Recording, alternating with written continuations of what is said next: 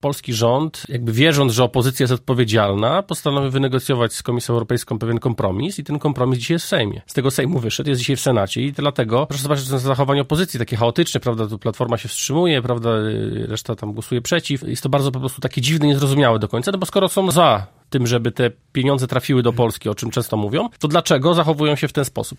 Ja myślę po prostu, że to powinno zostać uchwalone. No i oczywiście liczyć na to, że Komisja Europejska nie będzie stawiała jakichś dodatkowych żądań, no bo też trzeba niestety e, taką okoliczność e, brać pod uwagę,